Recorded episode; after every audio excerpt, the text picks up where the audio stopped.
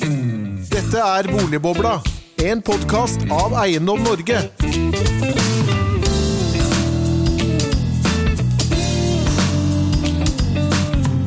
Hjertelig velkommen til en ny episode av Boligbobla, denne gang om bærekraft i boligmarkedet.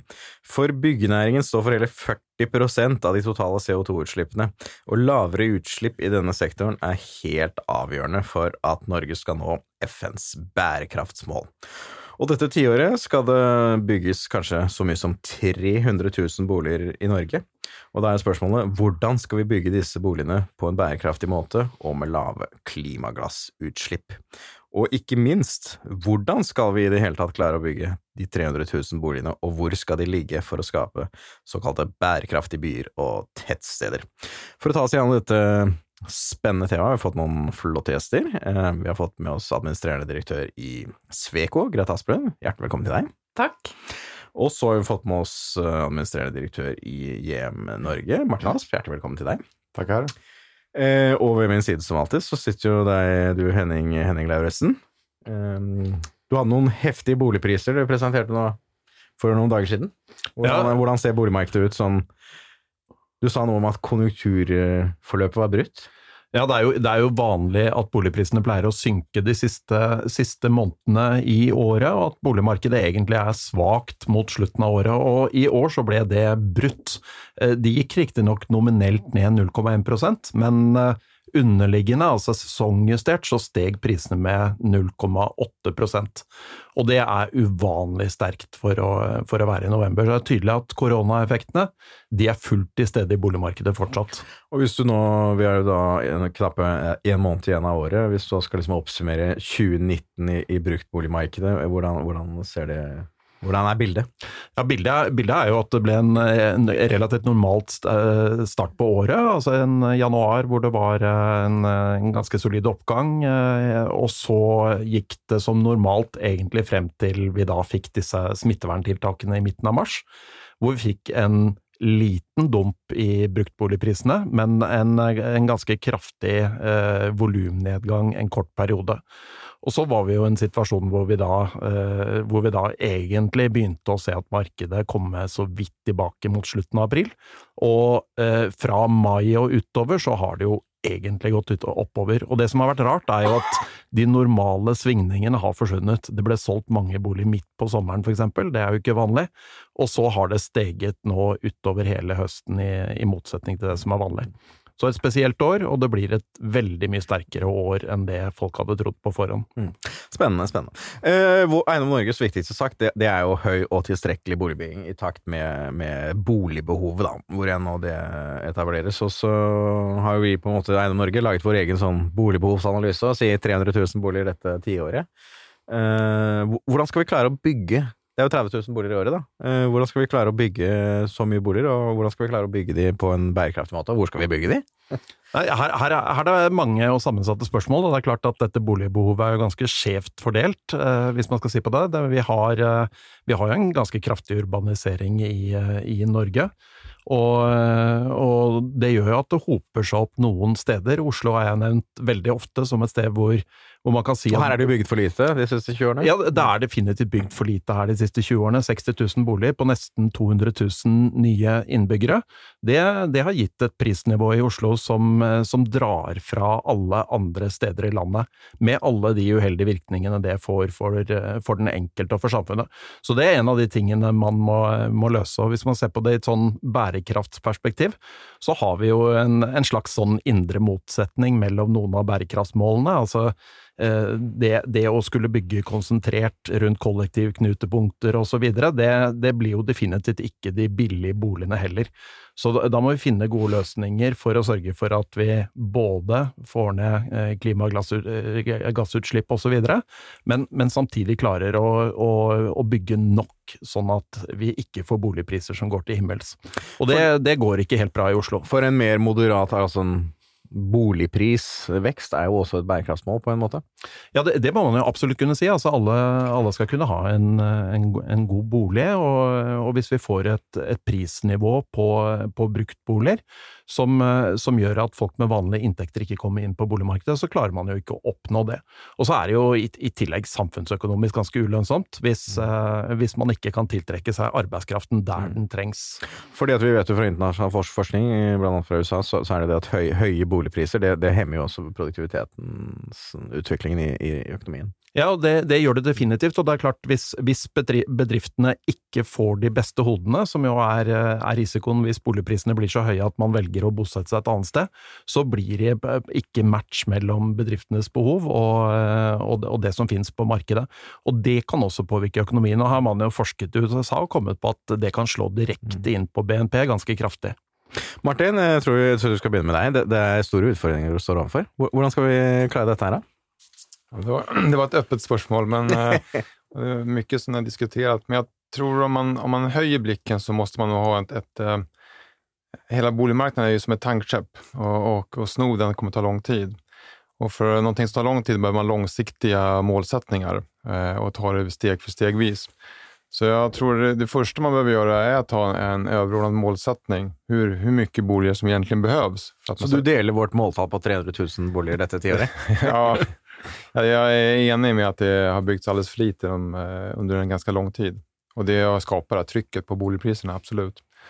Um, och då behöver man uh, sätta ett långsiktigt mål och långsiktig strategi och uh, kunna beta av den steg för steg. Och midlertidig så tror jag man behöver lite insatser då för att kanske hålla lite i schack. Men, eh, men, jeg ser jo konkurrenten deres, da, Obos, har jo satt et måltall på at de f.eks. skal bygge 1000 boliger i Oslo i året. Opererer dere med noe måltall? Dere er jo en av Norges største, største boligbyggere.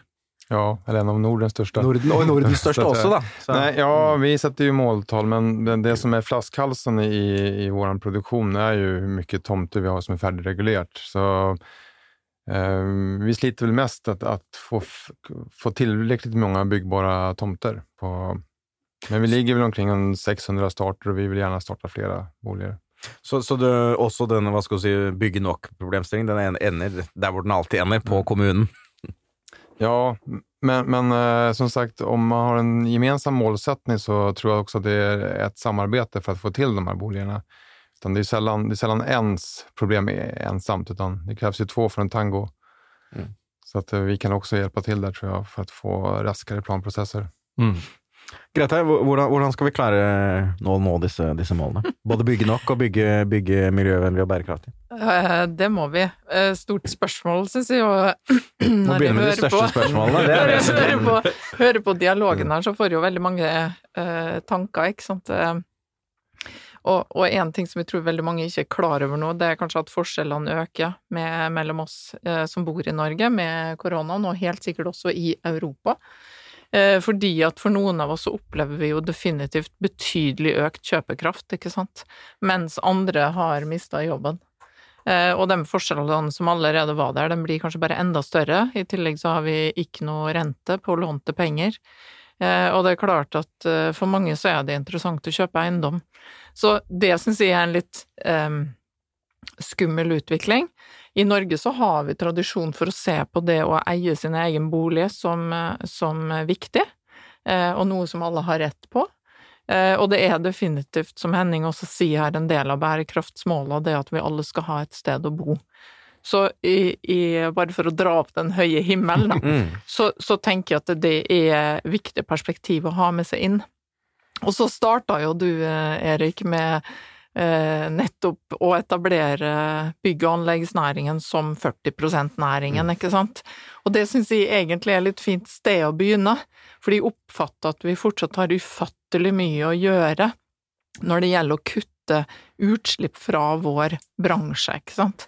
Det handler jo ikke bare om energieffektive bygg, det handler jo om avfall på byggeplass, det handler om eh, utslipp, altså av eh, produksjonen, det handler om materialbruken, og det er utrolig mye som vi kan gjøre i hele den verdikjeden, og vi har heldigvis har vi jo begynt å se, ikke sant, eh, utslippsfrie byggeplasser, og det bygges plusshus, altså hus som faktisk produserer energi, og det er jo en enorm utvikling, men det er jo fortsatt kjempelangt igjen før vi kan si at Plussus med tilkoblingsplikt til fjernvarme. Helt riktig. Så, men det er langt igjen. Vi har fortsatt mye stort potensial, ikke sant, før vi får uh, dem tinga på stell, da. Uh, og så er det jo hele den diskusjonen om hvor skal vi bo, hvordan skal vi bo? Uh, og det er jo også, syns jeg, et utrolig interessant tema, for jeg tror jo det blir slik at vi må planlegge for at vi skal, vi skal bo, leve, jobbe, dra til barnehagen, trene uten at vi skal forbruke så mye ressurser som vi har gjort. ikke sant? Vi kan jo trene mens vi går til barnehagen, da. For eksempel. det gjør du helt sikkert, det er jeg sikker på. Men, men det er klart at det legger eh, noen helt andre rammer for hvordan vi planlegger eh, bolig eh, enn det vi har gjort tidligere. ikke sant? Vi skal planlegge for jeg vil egentlig si det sånn at vi skal planlegge for mennesket, ikke sant? At vi som mennesker skal kunne tilrettelegge livet vårt, slik at vi ikke bruker for mye ressurser, eh, istedenfor at vi tradisjonelt har planlagt for transport, for eksempel, og, og den type ting, da. Mm. Nei, for hvis du, hvis, du, ser altså, i Norge da, og, og Østlandet for eksempel, eh, eller de store byene tilbake 20-30 år, så, så, har jo byene est noe vanvittig ut i areal. Ja. Altså, Da jeg vokste opp, så bygde man jo altså på 80-tallet. Det var jo enebolig etter enebolig utover og utover og utover. Mm. Og mer og mer trafikk. Altså, ja. nå må jo det, det, må jo være helt motsatt vi skal gjøre nå, ja. ikke sant? Helt motsatt. Og, og, så er det jo noen som mener at nå no, når vi har fått uh, koronaen, ikke sant, vil ikke det bety en brems for det? Men jeg er veldig usikker. Jeg opplever at bærekraftagendaen er nå så sterk, og nå får vi også en enorm drahjelp av EU med den nye EUs mm. Eh, taksonomi, altså en mm. slags Eh, de satser jo rett og slett på finansnæringen, ikke sant? Mm. De går til kilden, eh, og, og, og, vil da på en måte belønne dem som gjør bærekraftige investeringer, og, og derigjennom også straffe, straffe de som ikke gjør det.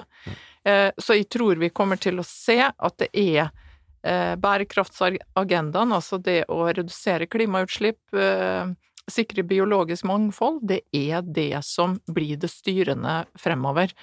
Og, og, kanskje om fem år, ikke sant, så ser vi tilbake på den koronaen som noe som skjedde Det var noen måneder i, i 2020. Vi sto i en krise. Eller kanskje det var hele 2020-tallet, hvem vet? Ja, vi håper ikke det, da, men Men Martin, dere, dere var jo tidlig ute med, med såkalt svanemerking av, av, bolig. Eh, kan du fortelle hva, hvordan er det dere har eh, angrepet dette? Egentlig ska vi säga att på JM så har vi hållit på med pilotprojekt inom bärkraft sedan 80-talet.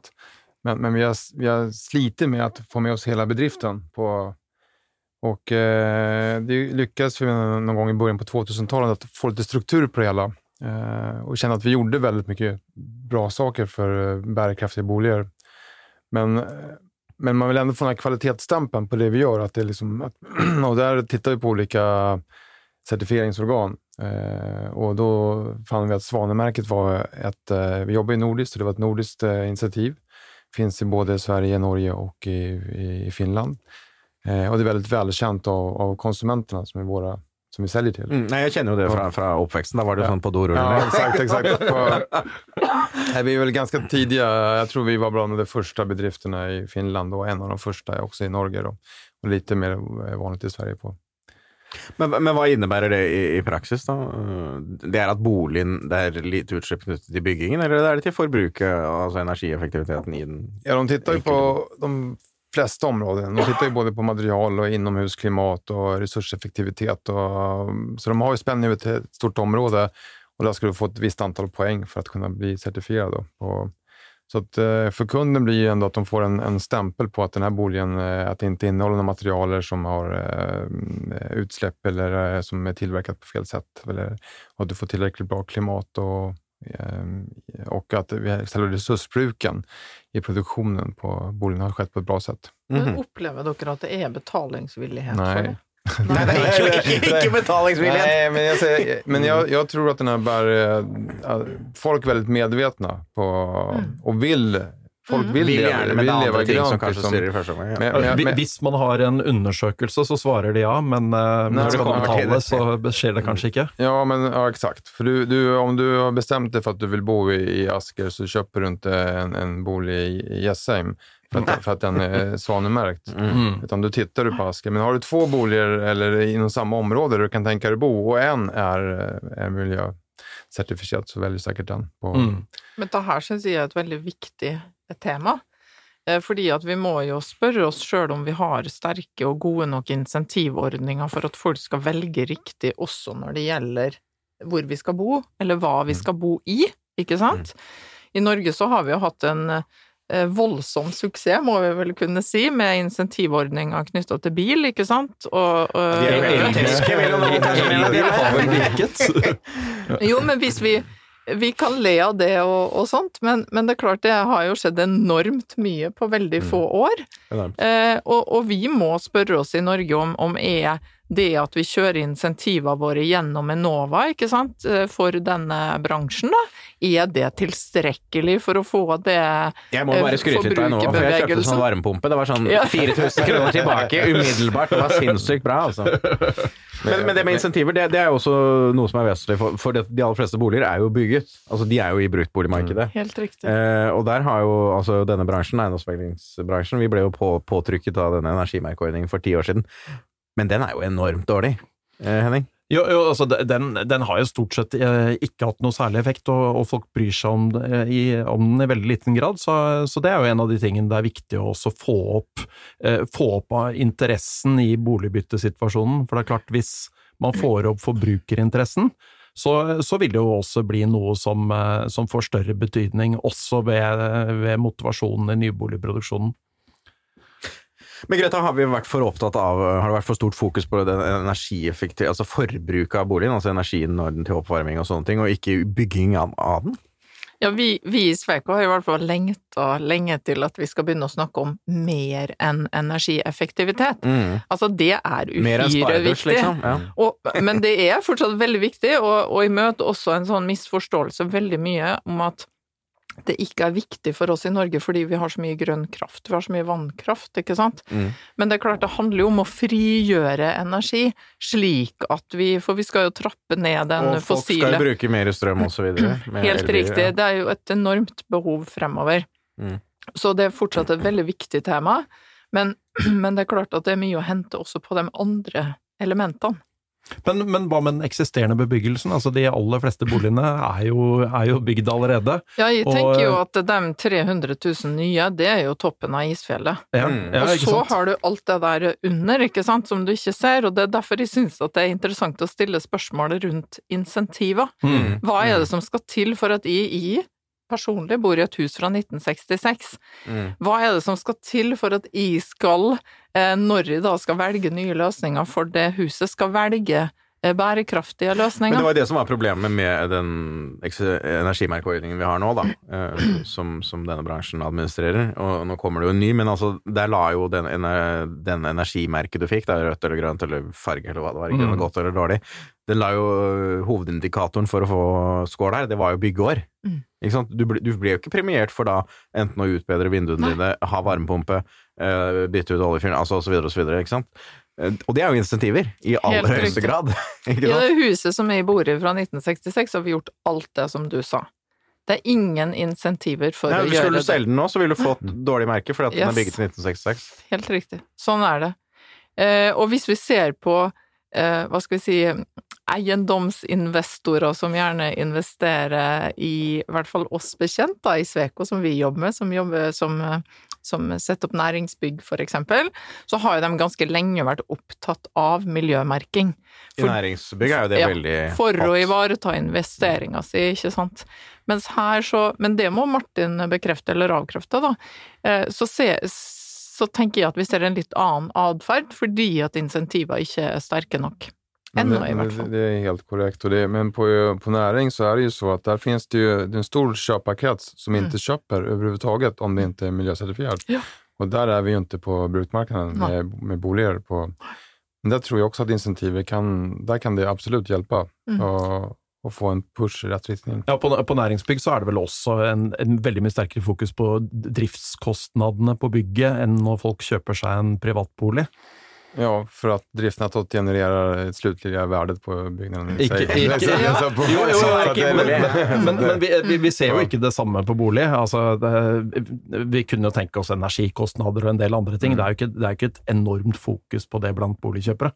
Fast, fast det är inte svårt att se att, att i framtiden så kanske de här energikostnaderna kommer att gå upp, liksom, eller energipriserna. Mm. Och det kommer bli större skillnad mellan, mellan nytt och gammalt. Eller de, de bolagen som har satsat på att få en bättre energiklassning. Fem kroner per kilowattimme hadde gjort Ja, något. exakt. Men nå, då, denne vinteren kommer jo strømprisene til å bli all time low, ser det ut som PT. Så akkurat, vi får ikke noe, man får ikke noe drahjelp fra markedet. Nej, men sen då kommer du behöva aircondition på somrarna og det på Den varmepumpen jeg kjøpte, den har aircondition og sommer, det er fantastisk. Men jeg synes det er et godt poeng det der med at volumet må opp, ikke sant? Etterspørselen, som du sier, Henning. Altså etterspørselen må opp fordi at per i dag så er det jo også dyrt, ikke sant, å, å bygge helt riktig. Mm. Eh, så vi, vi er nødt til å stimulere alle eh, etterspørselsdriverne, for å si det sånn, da, for å få opp volumet, for å også få ned prisen. prisen. Men altså, al- byggekostnadene er er jo utrolig høye. Det siste jeg hørte nå var jo 40 000 kroner meteren for å bygge, bygge bolig typ på, på østlandsområdet. Jeg vet ikke om det stemmer, men, men altså det må jo være god økonomi for dere som er utbyggere, å få ned kostnadene, altså bygge mer effektivt, eh, mindre materialbruk, altså bedre materialbruk osv. Hvilke insentiver har dere eh, for å eh, Kanskje er det kostnadene de største insentivene, eller er det För att jobba, arbeta med bærekraft? Ja. Ja, ja, jag tror at att jobba med bærekraft er et langsiktig initiativ. Det er ikke kortsiktigt. For kortsiktigt så ökar det ju kostnaderna. Ja. Men, men jeg tenker på lang sikt så kommer det ju att bli mer naturligt. Og på lang sikt så eh, blir vi også att mer attra- attrahera mer medarbetare genom att vara, jobba bärkraftigt. Men med det sagt så genererer vi også kostnader gjennom å bygge ikke bærekraftig i dag. Mm. Exempelvis som på avfall. Jeg tror vi i dag har vi nesten drygt tre ton per leilighet. Fordi dere har jo også hatt sånn avfallsreduksjonsprogram. Det må jo være god for businessen også, skulle jeg tro? Ja, vi får gjennom det. Vi, vi märker at det er ganske vanskelig, men absolut. Det, det, men det er jo helt sykt at du måste eh, du til tre ton per leilighet, og sen fraktar du bort tre ton per lägenhet. Kan vi minska den till, till en och en halv ton Mm. så eh, betyder det mycket både för ekonomin och för, för miljön. Då, på, men vi märker att det, det, varje skritt eh, tar väldigt mycket energi att ta. Liksom det är svårt att få ner de mängderna. Vi, vi har ett mål att vi ska halvera det, så får vi se hur fort det går. Liksom. Men Hvordan gjør dere Hvordan eh, går dere frem?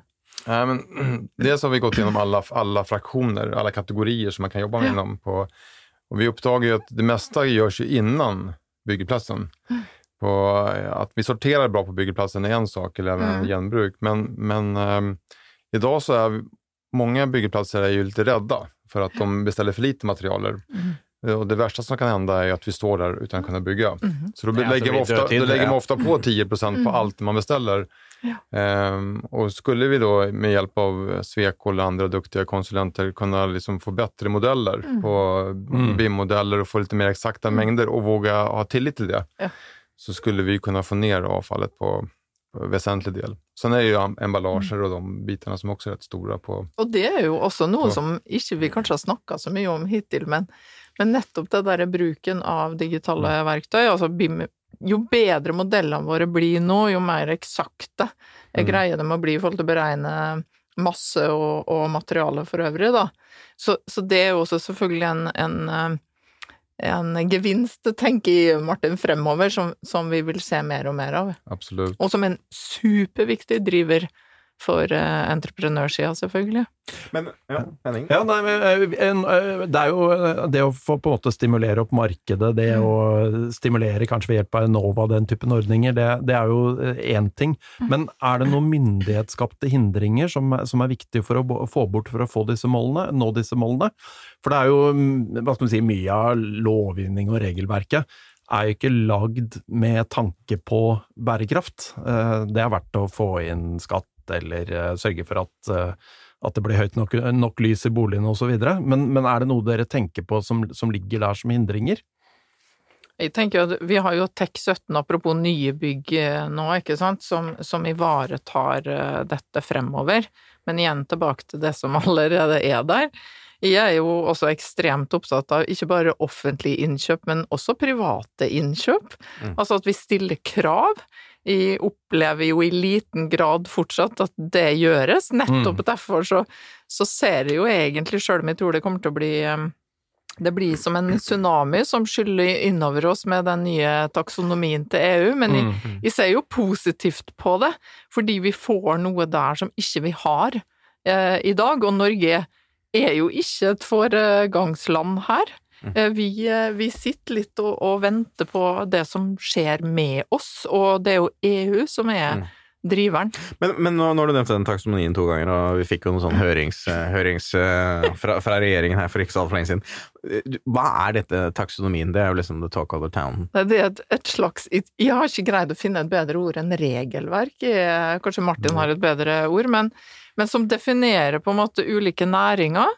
Og hva, hva det vil si å være bærekraftig, og drive bærekraftig. Fordi dette går jo på, på, på finansnæringen, gjør det ikke det? Yes, egentlig? og rapporteringskrav. Så det blir nye rapporteringskrav. Så hvis du skal på en måte kunne si at du driver bærekraftig, da, så må du tilfredsstille en rekke krav. Og det er jo for å få slutt på også typisk det vi kaller for grønnvasking, Ja, ja, ja. ikke sant.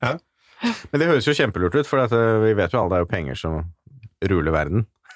Det er helt riktig. Men, men jag tror också det är viktigt, at när vi tänker på våra kunder så brukar vi tänka att vi ska göra det lätt att göra rätt. Alltså det ska vara lätt Ja. för kunderna att leva grönt. Mm. På, men så gäller det också lite grann för myndigheterna eller för eh, branschen. Det, gäller, det, det är okej att de stora bedrifterna, vi kan ha en, en, en, en avdelning med 10-12 personer som jobbar med bärkraft, men de allra flesta parterna är ju små bedrifter.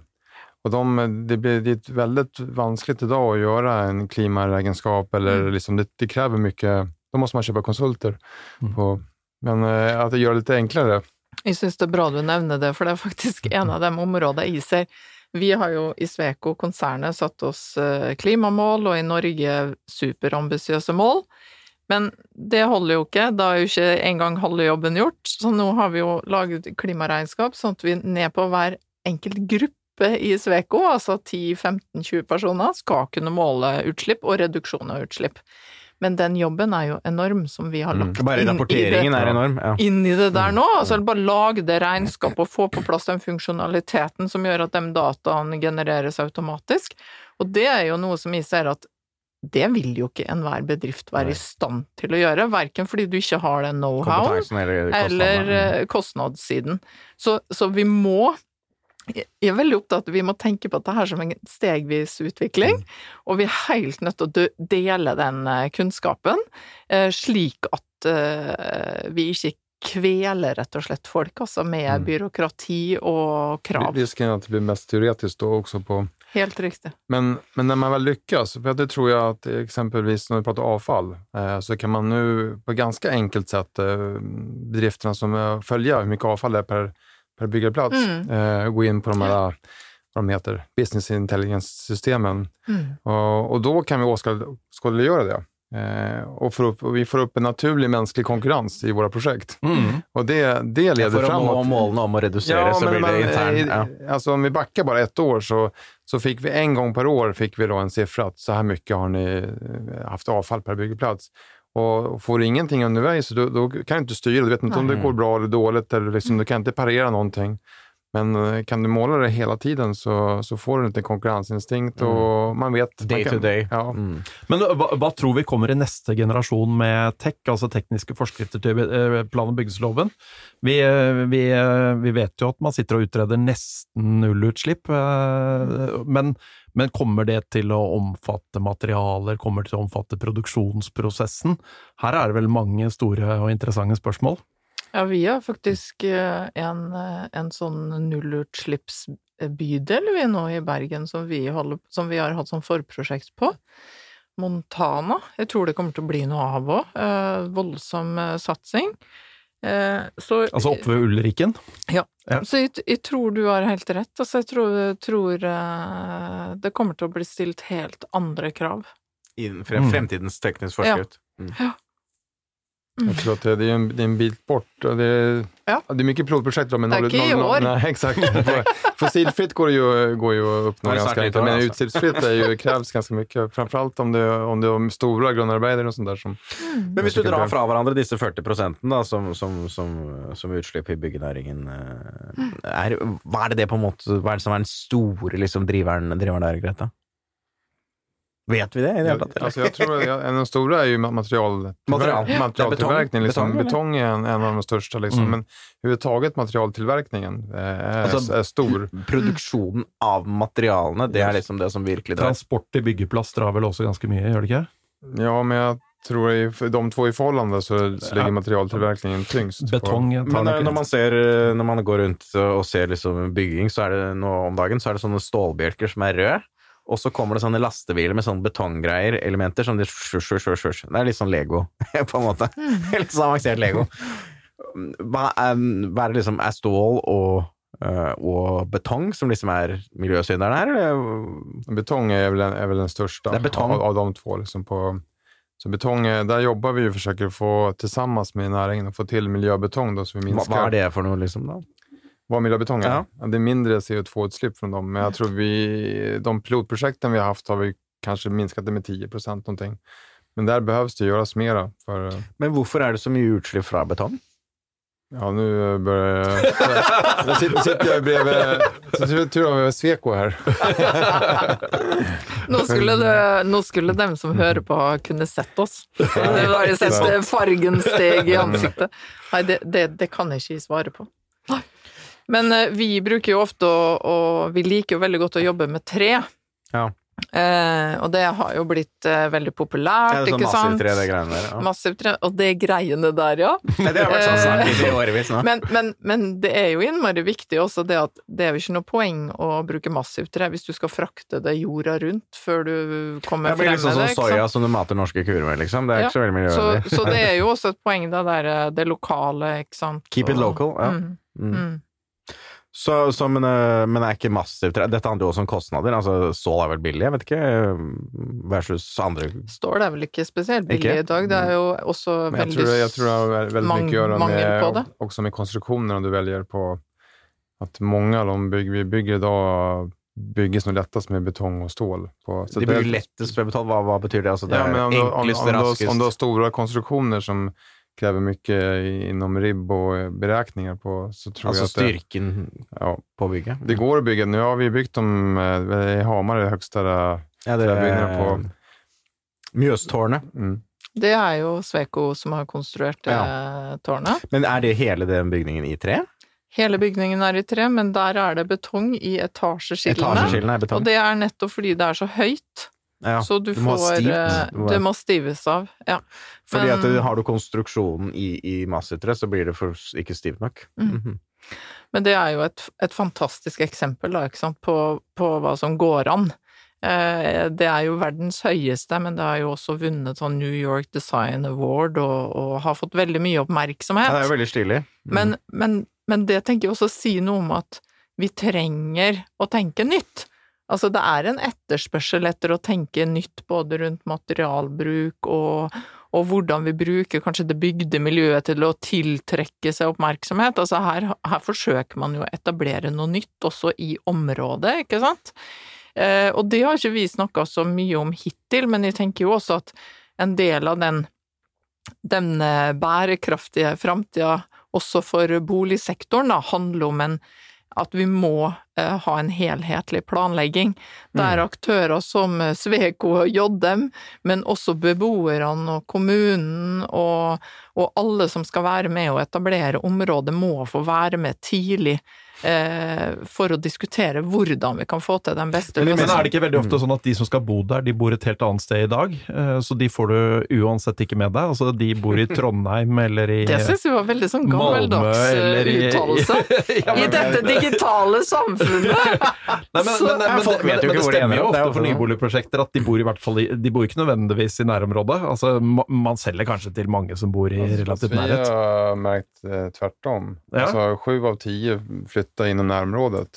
Bygger vi stora projekt så är, bor de ofta i... Enebolig, ja. ja, de flyttar videre liksom, Ja. inom samme område. Mm. På, Så att, eh, Men klarer man å trekke dem inn i prosessen? Eh, Fordi altså, De som engasjerer seg i prosessen, hvis det er en reguleringsprosess f.eks., det er de som berøres direkte. Eh, Men de som bor en kilometer unna da, i nærområdet, de er kanskje ikke så interesserte. Altså, vi har gjort noen veldig spennende ting på, faktisk ikke i bolig, eller det kan godt hende vi også har gjort, da, men det jeg kjenner spesielt godt til, er jo når det skal eh, planlegges for vei og den type ting, Mm.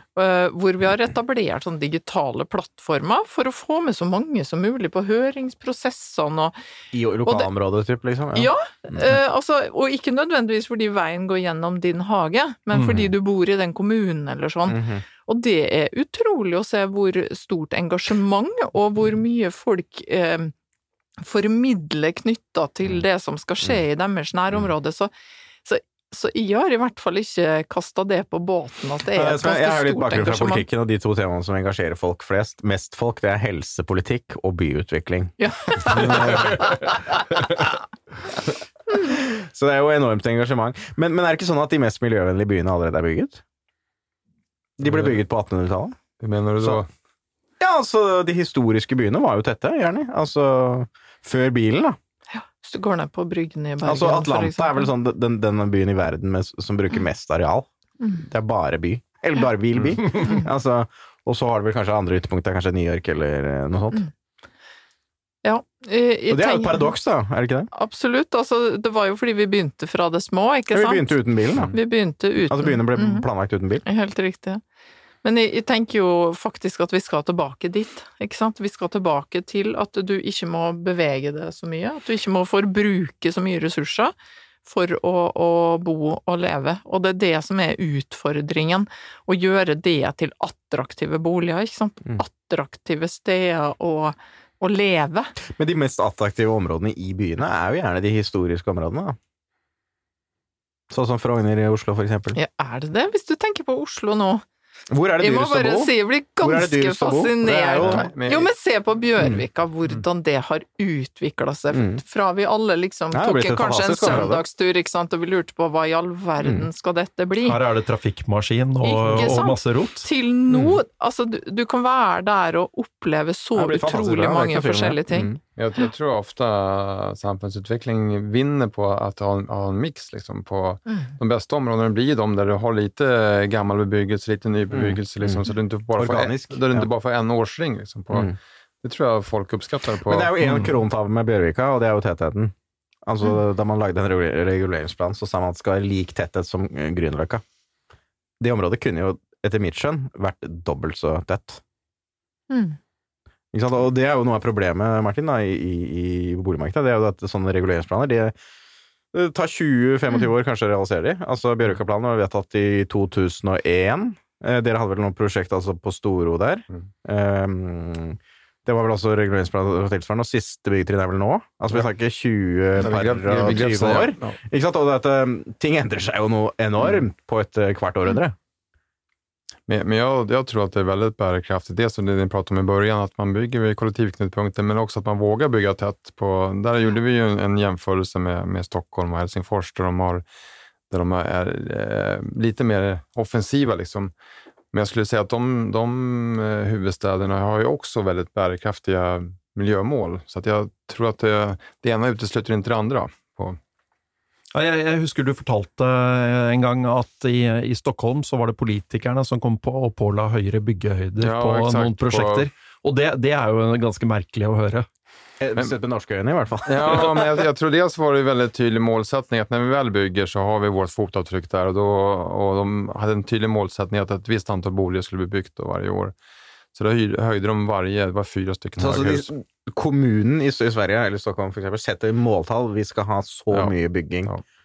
Og det er noe vi har samma- etterlyst også her i Norge. sam- Mm. Helsingfors är egentligen ännu bättre på det. Mm. Men då höjde de alla, vi hade fyra höghus som höjde fyra etager var. Då på, och Kista torn höjde de åtta etager på Så det du sier er at altså, kommunene da i Finland og, og Stockholm de skrur faktisk opp volumene. Det er vel det motsatte Ja. her i Norge. Her drar de ned. der, der, där, där de velger å ja. bygge, da. Ja, når de først regulerer eh. Ja. För, men, men jag skulle säga att de har ändå väldigt mycket fokus på bärkraft. Det är inte så att det blir som sämre bomiljöer i de projekten.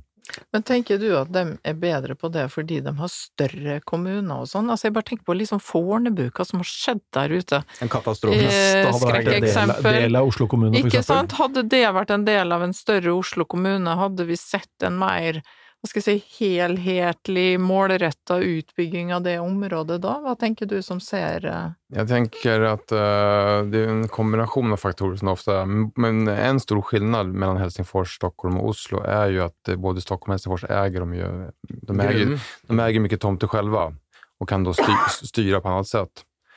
Um, men det har en faktor det du säger också. Titta på, även på Hamburg när de byggde ut den där Hafen City så började de med bygga um, kollektivtrafiken. I det här fallet då Fornebubanan. Den stod på plats Mm. när de började bygga. mm. Det tror jag också är en bärkraftig lösning på... Ja, for En alle så opera og eh, kollektivtrafikk, så var det jo ja, ja, Det er i hvert fall fortsatt sånn at vi har veldig mange kommuner i Norge. Det er jo Og- oljerikdommen som har gjort at det er mulig å ha så mye kommuner. Er Jo, liksom men altså, vi, vi, vi bruker mye ressurser på å diskutere mellom Og alle kommunene. skal være Mm. kompetente og så Mm. videre. Altså Byen Oslo er jo fordelt på 13 kommuner, så, sånn at det er jo en viss spredning. Mm, det er det. Men eh, det der er jo mitt favorittema, kommunereform. Det er ikke det det, det handler om her, men, men sånn eh, kort oppsummert så er jo min påstand at det er jo det er det vi har brukt oljepengene på. Opprettholde eh, kommunestrukturen. Og det er klart at Sverige og Danmark da, har, jo ikke hatt eh, den samme statsfinansene til å kunne opprette. Eh, Sverige måtte jo ha en kommunereform på 60-tallet, eh, og, og Danmark hadde jo nå en i 2007, strukturreformen. altså eh, mens i Norge så har jo dette her kunnet rulle og gå. Vi har ikke måttet tvunget, blitt tvunget til dette, fordi vi har så utrolig mye penger. Mm. Så, mm, så det der er jo mitt Og favorittema. vi har, vi har vel også opprettholdt, det hører jo også med for så vidt i denne diskusjonen, altså vi har opprettholdt en befolkning som tross alt Vi bruker jo eh, store deler av landet, da. Ja, ja, det, det, er, jo veldig kontrast til Sverige, for eksempel. Men, men der er, altså uten å fornærme svenskene, så, så er det jo faktisk noe i Nord- Nord-Norge. I Nord-Sverige er det jo skau, stort sett. Men fantastisk. Vi, dette, tiden går jo utrolig fort i podkaststudio, og tiden går. Vi, vi har jo alltid en fast spalte vi må innom før vi, før vi avslutter, og det, er- det er min, min første bolig. Hva, hva, hva kjente du, hva følte du, hva betalte du? Eh, Det må man ikke svare på, men greit. Men- men det er vanlig å gjøre Det det. er vanlig å gjøre det på. Så, som vi var medeier i, tenker du, eller eide, liksom? Ja, Eide. Eide. Mm, Eh, Tjente, tjente så utrolig lite. Eh, Det kan jeg bare si. Når var dette her? Men eh, altså, det var i 1997, tror jeg. Eh, Men opplevde en enorm verdiøkning på kun to år, eller noe sånt. To-tre år. På Sagene i Oslo. Det var vel sånn Oslo. 6-97 det virkelig begynte å stige i boligprisene. Det var helt fantastisk. Og, og det som var også, det var jo at vi kjøpte jo av en som hadde opplevd det motsatte, ikke sant. Mm. Eh, så, men jeg opplever Jeg tenker jo veldig på min generasjon som har vært ufattelig heldig, ikke sant. Vi har liksom gått inn veldig riktig. Ja, jeg, vet, jeg vet ikke når du er født, men det er jo de som har gjort det best i boligmarkedet, er de som er født i 1966. Ja. Og kjøpt i 1993. Kjøpt i 1993. Da kan du i hvert fall med en viss tilfredsstillelse si at de er født litt seinere enn det, men u likevel, likevel så har jeg jo fått vært med på den verdiøkningen, og det har jo vært en utrolig gave, ikke sant, til vår eh, generasjon. Mm. Da får dine barn de får rane deg. Ja. Men Martin, din, din første bolig, hva, hva kjente du, hva følte du, hvor var det? Hva betalte du? Jag är ju, jag är ju svensk då. Eh, men eh, så min första bolig var ju i Stockholm og och det var en utlejebolig. Och, och det är väldigt stor skillnad mellan, mellan Stockholm och Oslo. För uh, i, i Stockholm er en utlejebolig, då är du veldig heldig. Det er liksom, det, det, det, Det er det bostadskøen, er det ikke ja, det? det er som å vinne på lotteri. På, og, og, och, eh, så jeg fikk tak i en sånn. Uh, gjennom, uh, jeg kommer fra Stockholm fra början. Då. Så jeg tror over fem- 50 procent drygt av alle Stockholms boliger utleie. Mm. Og så har de ikke riktig markedshyre, så det är ju, du betaler jo veldig lite i leie. Men det er, det er en hyresrett? Nei, Mm, ja. er det. Hvordan er det det egentlig fungerer, de systemene? Eh, Det fungerer vel ikke helt og hållet. Ja. men du, du har ett system som gjør at, at eh, beroende på ålder og skikk på boligen så betaler man leje därefter. Så du kan jo, om du har tur då, och stått i kø i 18 år, så kan du få en utlejebolig mitten i Stockholm med veldig låg leje. Ja. Så, men det, det er jo ikke det speglar ju inte efterfrågan. Så att de är, det fins jo en, en marknad der de selger kjøper kontrakt og sånt som ikke er bra. Så det er, et, det er et fortsatt Det er ikke bare en myte at det er et svart marked i, i Nei, det skal Sverige? si. Nå Nu har jeg jo jobbet tag, men, men så er det jo På, att det finns en stor efterfrågan på fina utlejer som ligger centralt i Stockholm. Mm. Men min första bolig, jag måste säga, den första som jag köpte, det blev ju en JM-bolig såklart. en en bærekraftig bolig. Nei, men det er fantastisk. Nei, tiden går fort. Eh, Vi er tilbake med neste episode. Den skal komme mm, før, før jul, eh, og det blir vår årlige prognoseepisode. Så da må lytterne tune inn på, på den. Det skal vi spå boligmarkedet for neste år. Eh, Takk til gjestene, Grete mm, Aspelund i Sveko og Martin Aspi Hjem. Takk for, takk for at dere kom, og takk for oss. Tusen takk. Tack.